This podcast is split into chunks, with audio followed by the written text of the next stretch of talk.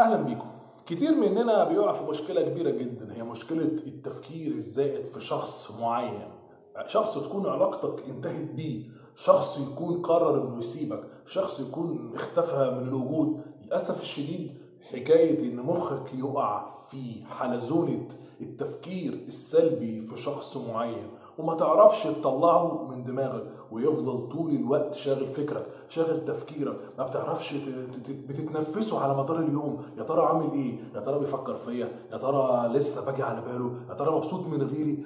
طب بقى وتفضل تفرك تفرك تفرك. وأحيانا تتصرف تصرفات غلط جدا زي إنك أنت أو إنك أنت تتصل بيه تحاول تكلميه تحاول ترضيه تبعتي له رسائل ما يردش عليكي تتجنني أكتر تفضلي ترضيه. ماسكه الموبايل طول الوقت عماله تقلبي في الصور اللي بينكم في الذكريات. آه كل حاجة حواليكي بتفكرك بيه. ولذلك إحنا النهارده بنتكلم. عن إزاي نتخلص من التفكير السلبي وأكتر طريقة وأكتر حاجة ممكن تخلينا نخلص من التفكير السلبي في الشخص اللي وجوده في حياتنا أصبح عبء وبقى بيضغط علينا سلبا في الفيديو ده.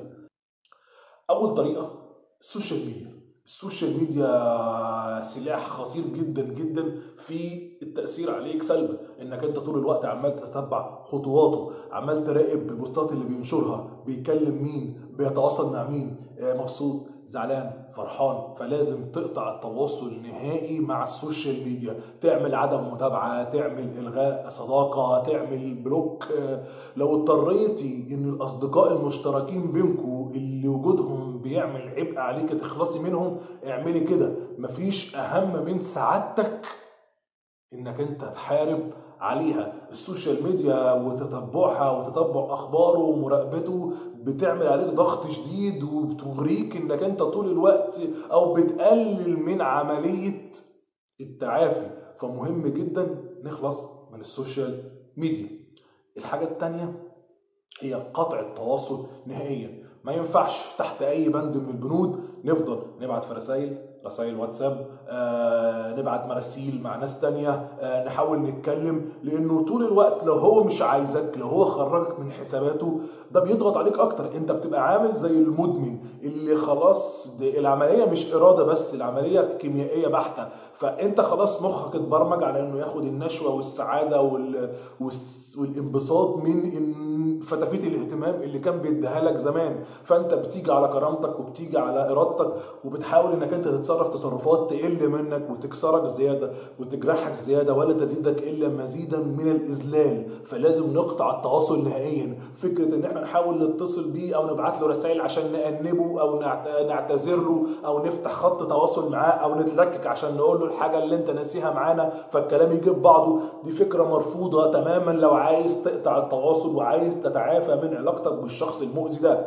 الحاجة التالتة والمهمة جدا جدا التذكارات اللي بينكم الحنين للماضي الصور اللي بينكم ألبوم الذكريات الجاليري بتاع الموبايل الهدايا والتذكارات اللي كان بيجيبها لك الحاجات دي لازم تخلصي منها تماما. أي حاجة بتفكرك بيه أي حاجة مادية بتخليك تكتر وتفتكر اللي حصل واللي بينكم وتفتكر صورته وتفتكر كلامه وريحته والحاجات دي كلها. يك إلغي اقطع امسح لو في حاجات غالية جدا وحاجات ما ينفعش نخلص منها ممكن نسلمها لحد وسيط أو صديق صديق مؤتمن لحد ما تفقد الروابط العاطفية اللي بيننا وبين الحاجة دي. وبعدين نبقى نستعيدها تاني لما تبقى بالنسبة لنا ولا حاجة. ولكن طول ما الحاجة دي بتأثر علينا سلبا وبتفكرنا بالماضي ده وبتخلينا تحت السيطرة لازم نخلص من الصور من الذكريات من الحاجات المادية اللي بتقلل مننا. غير كده يبقى أنت بتضحك على نفسك غير كده يبقى أنت بتتلاعب مع روحك غير كده يبقى أنت غير صادق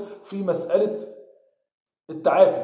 لازم انك تخرج ما تقعدش حاطه إيدك على خدك طول الوقت وعمالة تفكري لازم تتحركي حركي جسمك تعمل أنشطة مهمة أنشطة مشبعة تشغل مخك مخك دلوقتي انت سايبه تحت السيطرة سايبه يجرك في سكة التفكير السلبي والفكرة بتجيب فكرة والفكرة بتجيب اللي وراها لكن لو قررت تشغل مخك وتشغله في اللي يفيدك في أنشطة في رياضة في هواية في الكلام مع أصدقاء جداد مع أصدقاء مهمين مع حاجات تحبها مع حاجات تسعدك وتقنع نفسك إن الحياة ما بتقفش على حد اطلاقا والحياة ملا وخلاص وإن وإن دي صفحه وانتهت ودرس واتعلمنا منه وتقول لنفسك بصوت عالي كده وتسمع مخك وتسمع عقلك الباطن وتقول له أنا خلاص فقت وأنا بتحرك. لا مش هفكر لا مش هقعد مكاني وأفضل أفكر فيك.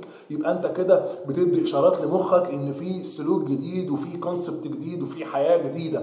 غير كل ده هنزل لك وهسيب لك في آه، في التعليقات رابط مقال مهم جدا هيقول لك ليه كيميائيا أنت تحت السيطرة يديك أفكار أكتر وخطوات أكتر للتعافي وللتخلص من التفكير في الشخص اللي اللي ارتباطك النفسي والعاطفي بيه بيذلك وبيكسرك أكتر.